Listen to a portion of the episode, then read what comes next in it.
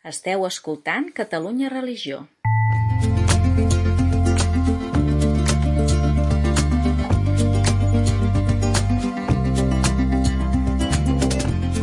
Converses en la frontera, un podcast de Gabriel Jaraba i Xavier Morlans.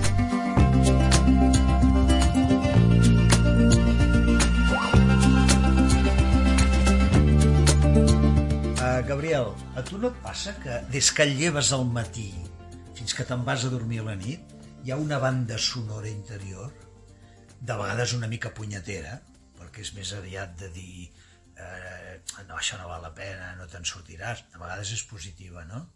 Sí, eh, a veure, com ho diria jo? Més que una banda sonora, una mena de...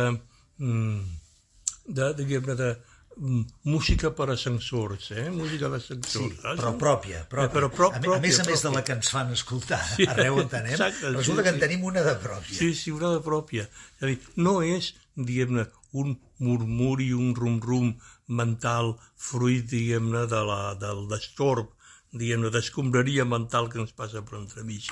Fruit d'automatismes, fruit, doncs, de, de l'obsessió de vegades en determinades idees fixes. No, sí que hi ha... A veure, és curiós perquè un, un, que qualsevol que hi pensi una mica ho veuràs que, que no només vivim, sinó que ens vivim a nosaltres mateixos Sí. i a més a més ens pensem a nosaltres mateixos i això és molt... s'ha d'anar molt Sí, de compte sí. perquè correm el risc de, de convertir-nos en allò que pensem, no som el que mengem, com diuen Correcte. ni som qui creiem ser. Som aquell eh, qui, en, eh, en qui a poc a poc ens anem convertint i ens convertim en allò que, que intentem mm, ser i ens prenem mm, el pèl per ser, perquè tot això és una fal·làcia. És, és a dir, és a dir, aquest rum-rum té una part, és com el gelat, diguem-ne, de vainilla i xocolata, no? Dir, té una part, diguem-ne, d'un gust i té una part d'una altra. Hi ha una autoreflexió molt profitosa i hi ha també, diguem-ne, una càrrega de destorb eh, purament psíquic, per dir-ho d'alguna Sí, manera, eh, que realment és una mica sobrera. Jo crec que les, les psicoteràpies que s'han anat inventant, especialment a partir de la psicologia humanista, adverteixen molt de la qüestió. L'antiga saviesa religiosa i espiritual ho tenia això ja identificat amb molta eh, claredat i molta, molta saviesa, insistim-hi, eh, de feia no només el cristianisme, l'antic budisme hinduisme i les, les savieses antigues, no? I, I en canvi nosaltres no tenim prou identificat de com això d'una banda ens pot ajudar a ser, a ser qui som eh, i, i d'altra banda ens pot destorbar. El Jacques Attali, el, el sociòleg francès que Sí. és tan important, té un llibre que es diu eh, Aprèn a ser qui realment ets, no? Doncs mira, a propòsit de francesos, hi ha un tal Guillaume Musso que resulta que és el novel·lista francès que ven més novel·les, milions de novel·les. I en una entrevista que li feien, ell diu al món actual hi ha cada vegada més gent amb ressentiment, gent amb la impressió de no ser el lloc que es mereix. Diríem, gent que es lleva al matí i la banda sonora automàtica que es dispara és jo no em mereixo aquesta vida. Eh? Eh, aquí hi ha dos, dos coses a considerar. Un, el, el fet de, de que sentin la banda, però una altra cosa, d'on ve això de jo no mereixo aquesta vida. Ell, per endavant, va la comprensió i la solidaritat, que quanta gent, de la classe obrera sobretot, de les classes subalternes, realment, per les, per les crisis econòmiques des del 2008, la pandèmia, eh, eh, eh, i no diguem els de Gaza i Ucraïna, o sigui que ha realment, atenció, distingim de situacions objectives clarament de submissió i de- i d'explotació. De, Però jo potser em refereixo més a un ciutadà mig, eh, l'home del carrer barceloní, per entendre'ns, no? eh, una classe mig alta, que té aquesta cosa de dir "N- no em mereixo la vida que tinc, no? Aquest sentiment. Segurament és un sentiment ambigu, que deu tenir coses doncs, totalment justes, però no sé si podem explorar una mica això, d'on ve. El que primer a mi em crida l'atenció és veure, sempre s'havia pensat així o això és nou? És a dir, els nostres pares mm, pensaven eh, jo no em mereixo No, una, va. una Estaven- guerra. Estaven alegres Clar, clar. de poder tenir, després d'aquella guerra, un, Clar. un ofici, una Clar, casa, clar. i d'estar junts la família. Clar, i ho celebràvem d'una manera evident i manifesta. És a dir, i els nostres pares, els, la meva esposa i els meus, ho han viscut d'una manera molt alegre i celebrativa, per dir-ho una mica a lo això, bèstia, no? sí. I d'aquí una cultura popular de la diversió, Clar. mm, que era el, el, el futbol, eh? el, Sí. el denostat futbol, eh, que, que nosaltres, els tres tambors, criticàvem a la cançó del noi dels cabells llargs. Sí. I ells només es preocupen del seu futbol, sí, deien. sí. Ah, I tant que sí, tot el futbol popular a tots els barris de la ciutat. Eh. es fa, L'altre dia es va morir l'historiador Joan Beculla eh, i recordava doncs, que el seu pare, la seva dèria, era que ell era un gran seguidor del Júpiter el Júpiter és un... Poble Nou Del Poble Nou, Poble sí. Nou, eh? I que el Sí, sí, sí. Júpiter era i és, i és un, un club de futbol popular. Tant és així que fins i tot el, uh, un, un equip de futbol molt, molt semblant anglès, que ara no em facis dir el nom, doncs es va buscar i van jugar un partit i van fer un, un agermanament entre el Júpiter i aquests anglesos, que no sé si era el Clapton, no estic segur, eh, perquè tenien a més uns colors en la samarreta molt semblant i ells han fet tota una, una declaració de suport pòstum a la República Espanyola i a Catalunya i tot això. És a dir, aquest sentiment de joia no solament grupal, sinó, sinó personal, Sí. eh, i hi era. M'explico? Eh, fixa't que amb els, amb els dinars familiars, jo no sé si tot, a tu t'haurà passat, però era un costum molt normal en què després d'haver fet un dinar doncs, eh, de, de, no diríem de germanor, però sí de familió, d'alguna Sí, manera, sí. doncs a l'hora de la sobretaula els pares i fins i tot els avis es posaven a cantar fragments de sarsuela. Sí, Eh? i tant. Doncs això. El primer assessor de carta- la nostra generació ja cantaven les cançons folk, que uh -huh. fèiem cantar a tothom. Ahà, eh? ahà, ahà. doncs és això. Bueno, no? per tant, per tant, som testimonis, sense idealitzar, però molts oients s'hi reconeixerien, pensant en els seus pares o avis, que aquesta banda sonora, en situacions de postguerra, era, era positiva, esperançada. D'on ve ara que la banda sonora d'una època que hi ha, hi ha dificultats, però en general s'està molt millor, sí, aquesta mena de... Això, els herois tristos, no? Ve de la desesperança, ve de l'absència i falta d'esperança, ve de l'abandó d'una eh, idea d'expectativa de millora eh, i de- i d'expectativa no només una vida millor, sinó d'expectativa d'un cert propòsit eh, i d'un cert sentit. I a la guerra, i amb això acabo, eh, mm, a mi, sobretot quan treballava a la tele, la gent em deia oi, el contacte dels infants amb la violència, les pantalles... El mateix que tota la tonteria aquesta dels telèfons mòbils, que està mm, preocupant tant a la gent.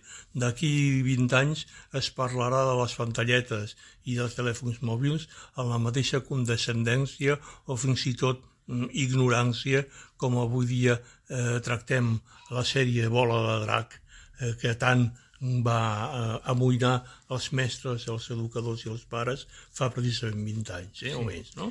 Sí. Eh, la, I a mi la guerra, i a mi em deien, mm, jo parlava a la tele, escolta, eh, això de la violència, eh, la televisió audiovisual és un problema perquè pot fer els nens violents, perquè tot contacte amb la violència provoca i genera violència i compte el contacte amb la violència als nostres pares, que van ser soldats i combatents al front de guerra, va fer d'ells una generació de pacifistes a ultrança. Jo tinc mm, molts amics, entre ells doncs, el Josep Carles Rius, que va ser degà del, del Col·legi de Periodistes i president de la Fundació Periodista Plural, que deia, deia un dia, a mi el meu pare, el meu pare va prohibir que entrés un sol, una sola joguina bèl·lica a casa, ni tan sols una pistola de plàstic. Així diríem que eh, aquesta banda sonora que molts senten no em mereixo aquesta vida, què he hecho yo para merecer esto? Diríem que en part ve de tenir una, de la manca d'una esperança. Una esperança que diríem que amb milions de persones la dona la religió, la dona la fe en Déu. Llavors sembla que Occident s'ha substituït Déu per l'Estat. Perquè, és clar, quan un diu jo no em mereixo aquesta vida, a, a, a, davant de qui fan aquesta queixa? O d'una mena de destí sec, o potser també de, de Déu, perquè hi ha la cosa aquesta, o, o és l'Estat, o, o la societat, no? Bé, el projecte era aquest, no? És a dir, el projecte il·lustrat, eh, eh, també el gelat de dos gustos un altre cop, eh? el, el, el revés, el revés del, del, del projecte il·lustrat, de la il·lustració, era que l'Estat se'n farà càrrec i així, i així s'esperava que fos. I així ha resultat que, que fos el que deia l'altre dia el papa, que és que som la primera vegada que una civilització pretén construir-se a si mateixa sense comptar amb la hipòtesi, amb l'essència de Déu.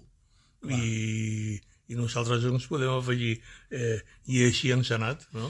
O sigui, ens trobem amb el mite del progrés, de que sempre anem a més, i que a més cultura i a més progrés i a més benestar serem més feliços. Exacte. I és això. I no solament això, sinó que nosaltres som eh, mereixedors per dret de naixença d'aquesta felicitat. aquí d'on ve això? Que el que és una necessitat legítima, la necessitat de ser feliç, la necessitat de viure fins als 100 anys amb el cap clar. D'on ve que això que és una necessitat legítima, moltíssima gent avui en aquesta societat ho experimenti com un dret. Bueno, perquè això té moltes, té moltes cares. El, el, el neocapitalisme neoliberal, per dir-ho malament, perquè no hi ha un nom, per aquest sistema i per no solament un sistema, sinó una ideologia, un propòsit i un projecte, és a dir, t'està dient tu el que has de fer és triomfar, tu el que has de fer és tenir èxit, guanyar peles i, i reeixir. I tota la mm, teories pseudopsicològiques basades en un optimisme que té un aspecte positiu i té un altre aspecte molt, molt tèrbol, eh, estan dient, chico, tu puedes, eh? eh el qual està molt bé, l'autoestima té està molt ban- bé. té una banda clar, positiva. Clar, però per l'altra banda t'està dient tu mm, pots, no, no, només, no només pots eh, eh, i fins i tot deus, sinó que tens dret i que aquest dret és un dret teu mm, per, per, per, per dret de naixença. I això és perillosíssim perquè aleshores tanca la gent amb una carrera eh, que troba eh, eh, elements molt més subtils i molt més contundents per mantenir a la gent presonera, que no és només un propòsit, una intenció, sinó una obligació. Tens l'obligació de ser feliç, Sí. tens l'obligació de tastar-ho tot, de provar... Què fas? Què fas que no aprofites i no assaboreixes fins l'últim glob tot el que hi ha, no? I vivim accelerats. Llavors, l'alternativa, Gabriel, és o això, o t'apuntes a la proposta neoliberal, que en el fons és dir, tu ets un petit déu, eh? tu, ets un, tu ets un príncep, tu tens dret a ser un príncep, o bé l'alternativa d'entrada més antipàtica de que tu t'acceptes formant part d'un col·lectiu, d'un gran poble, t'acceptes senzillament com a fill de Déu, germà dels altres, i busques la teva salvació en la salvació del conjunt de la col·lectivitat i tu entens la teva vida no com un projecte individual de triomfar, sinó com, com una missió de fer pinya, eh? de construir aquest castell entre tots. No, no sé si això sona molt, molt utòpic. Si, si hem d'arribar a plantejar-ho en aquests termes, com que, que el punt en què estem arribant de no sentit i no esperança, Clar, és n'hem que de és- poder parlar, no?, de que, Sí. de que una alternativa és eh, apuntar-se a una religió eh, sòlida, eh, respectuosa amb la democràcia, amb la tolerància. Sí, però si li dius a la gent d'apuntar-se a una religió et diran que això és un gran perill. Mentre que el perill és justament tot el contrari. I a l'estat del món ens remedeixo. Eh, però bé, però admetem que, que és un gran perill apuntar-se a una religió, sí. mm, entre cometes, perquè no vull que ningú em digui que el, que, el que haig de fer. El que haig de fer. Però si constantment ens estan dient el clar, que hem de fer. Tota, clar, la, tota la televisió, clar, tota la ràdio, clar, tothom t'està dient el que has de fer. Clar, eh... en aquest cas el que hi ha és que tot, tot aquest camí que hem transitat al llarg de la modernitat no té marxa enrere. I hem de recórrer endavant tot el, tot el, el trencament amb la, amb la, amb l'estat de les coses tal com sí.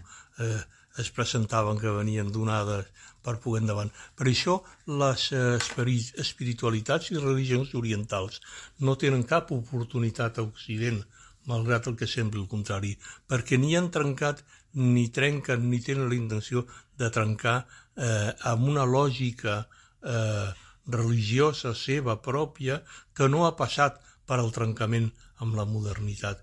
Ni tan sols els tibetans en la invasió xinesa, ni tan sols els hindús amb la, amb la invasió total del capitalisme mm, neoliberal a ultrança, eh, ni tan sols el, els benintencionats i senzills eh, ciutadans del, del sud-est asiàtic amb aquest diguem budisme mm, ètic que, que practiquen, que per al molts és simplement doncs, un formalisme, diguem-ne, hipòcrita.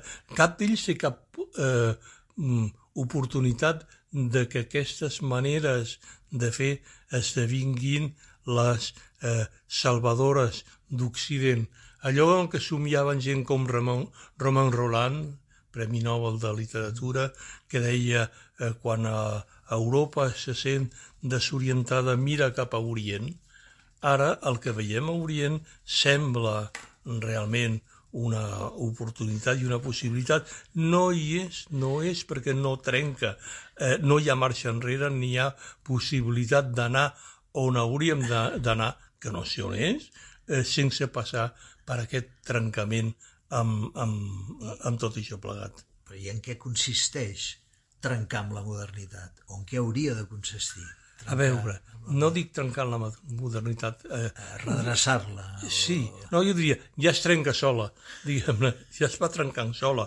La bomba atòmica d'Hiroshima, els camps d'extermini de la Segona Guerra Mundial, els desastres diversos i el que estem vivint ara mateix. És a dir, gran part de la desesperança ve, em sembla, de l'espectacle que estem contemplant, de com el món construït a partir de, de l'enfonsament del Titanic, de 1908, eh, és a dir, l'esfondrament del gran ídol.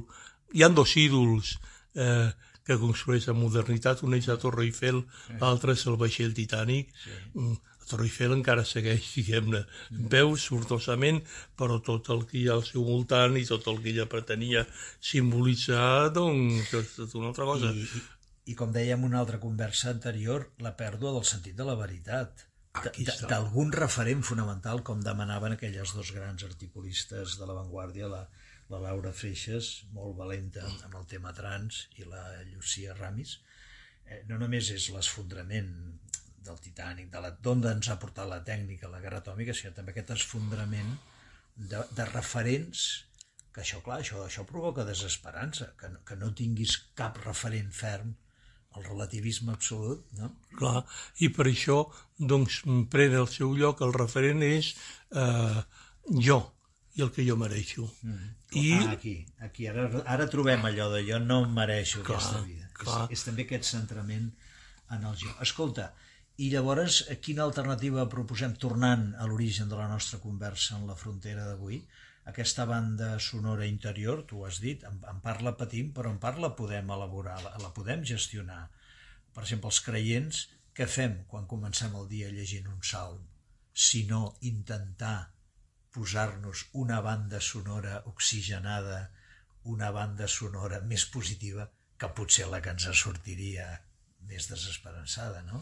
Clar, jo diria que, a veure, dit, quan els creients en sabem, doncs alguns eh, els que poquets, però encara són molt pocs, doncs que, que, que llegeixen uns salms i segueixen la litúrgia de les hores, eh, però hi ha moltes maneres encara molt més senzilles, no? perquè a vegades això és una mica envitricullat. Però sí que hi ha una, una, una fórmula infal·lible, a part o a més de, o conjuntament amb, diguem-ne, la lectura i meditació de l'escriptura, diguem-ne que són les magnífiques medicines, diguem-ne, de l'alegria, eh, l'optimisme i l'esperança.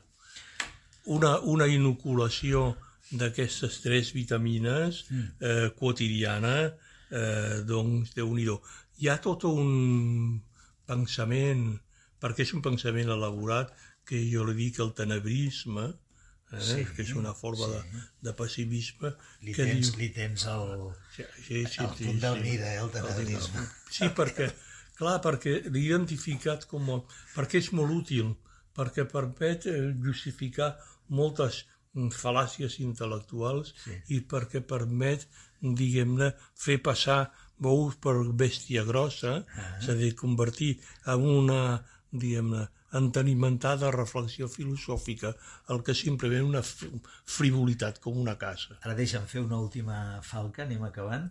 Eh, Aquesta inoculació matinal d'optimisme, d'esperança, és un auto és una autoinoculació o de vegades ha de ser la invocació que et vingui de dalt aquest optimisme i aquesta esperança. Home, es comença per una punta i s'acaba per una altra. A tu no te pilla el toro, eh? No, vull dir que... No, però no, que estic d'acord, una, cosa, una cosa no treu No, l'altra. Exacte, estem d'acord. Mm, Tots els recursos d'autoajuda ben entesa Uh -huh. són benvinguts. Ara, hi ha un punt, que sembla que, el, que tu i jo estem d'acord, des d'experiències vitals molt diverses, que hi ha un punt en què en aquesta recerca del propi jo, amb més naturalitat o amb més ruptura, t'obres al dir una mica el xiste de l'Eugenio, no? però hay alguien más, no? eh? però en sèrio. clar. I, la, I el goig, el goig també, amb dubtes i amb oscil·lacions, de poder experimentar que, que, que hi ha aquest algú més i que el trobes si el busques i l'invoques. Clar, en realitat és molt senzill. Forma part diguem-ne, d'unes mesures d'higiene elemental. Eh? És a dir, envoltar-se, diguem-ne, d'obres d'art eh, que siguin enlairadores. Envoltar-se d'elements de la vida quotidiana que siguin alegrois. Clar. És a dir, eh, el que dèiem, els nostres pares al final d'una sobretaula cantant fragments de sarsuela tan contents per després posar-se a jugar a les cartes o al domino jugant-se, diguem-ne, cacauets, Sí, no? sí, sí, sí. Aquestes coses, no? O el partit de futbol a les planes, entre solters i casats, eh? amb les senyores en viso, eh? que ara es diu, eh? doncs eh, celebrant l'alegria d'estar junts i l'alegria d'haver sortit vius, diguem-ne, del, del, del gran desastre. Fixa't que mm, quan, quan vivien ells en la plena foscor, Barcelona, la ciutat, mm, diguem-ne, pionera dels bombardejos sobre la ciutat, sobre la societat civil abans que Londres, eh? eh és a dir, tota la xarxa de refugis construïda de defensa civil quan els bombardejos de la de l'aviació italiana mm, no, no com, és a dir, no va sortir, diguem-ne, hi havia la idea d'una esperança, que allò s'acabaria eh, i vindria una època molt més vivible, i així va ser. Eh? Tot i que aquesta època era vivible, eh, però amb Franco. No? Però, clar, però fins i tot tothom es deia Franco mm, morirà, eh? en Franco desapareixerà. Jo no li he desitjat mai la mort en Franco, però això és una altra reflexió molt més, molt Eh, més diferent, no? En tot cas, eh, Gabriel, si tinguéssim peles, si tinguéssim diner i poguéssim fer una pel·lícula que cantés, o tu, o alguna novel·la, no? Cal, cal tenir temps, que cantés aquest, aquest mestissatge de l'alegria de sobretaula dels pobres, però jo tinc, tinc també com una obsessió de que amb naturalitat s'obri a l'alegria dels fills de Déu, o sigui, germans de taula i fills de Déu, no? per exemple, clar que sí, i no perquè sí, eh, la nostra manera, sensibilitat espiritual, eh, es construeix al voltant, eh, ara semblo jo el mossèn, recoll al voltant d'un pare, eh, d'una mare de Déu, eh, uh -huh. d'un i d'un sopar entre germans, i d'aquell que diu mm, prengueu i mengeu perquè mm, aquest és el meu cos i jo sóc el camí, la veritat i la vida. Clar, amb unes imatges aparentment ingènues uh -huh. hi ha amagada i, i, i la història de la humanitat passada, present i futura.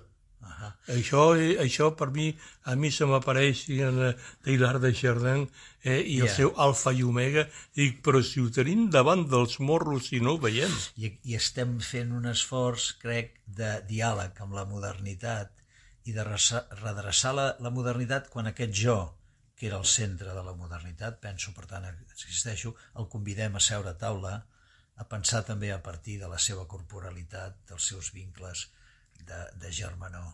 Però per això necessitem una higiene elemental i bàsica mm, que és justament foragitar el tenebrisme eh, i higienitzar amb alegria i amb esperança el nostre entorn.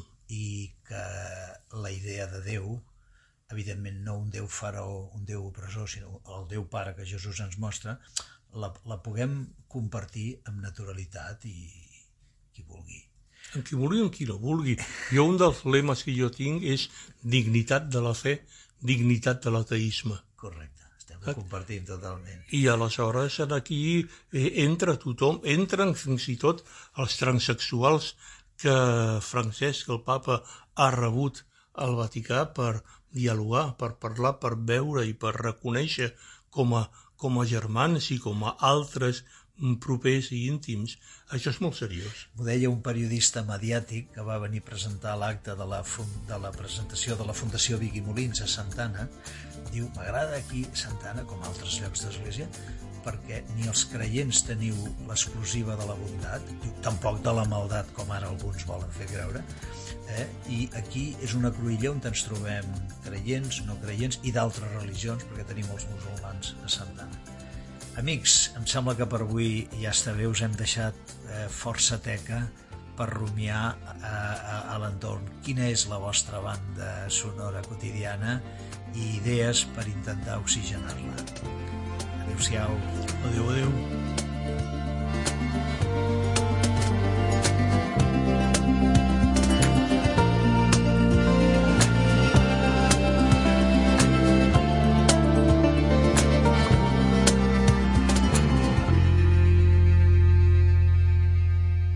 Catalunya Religió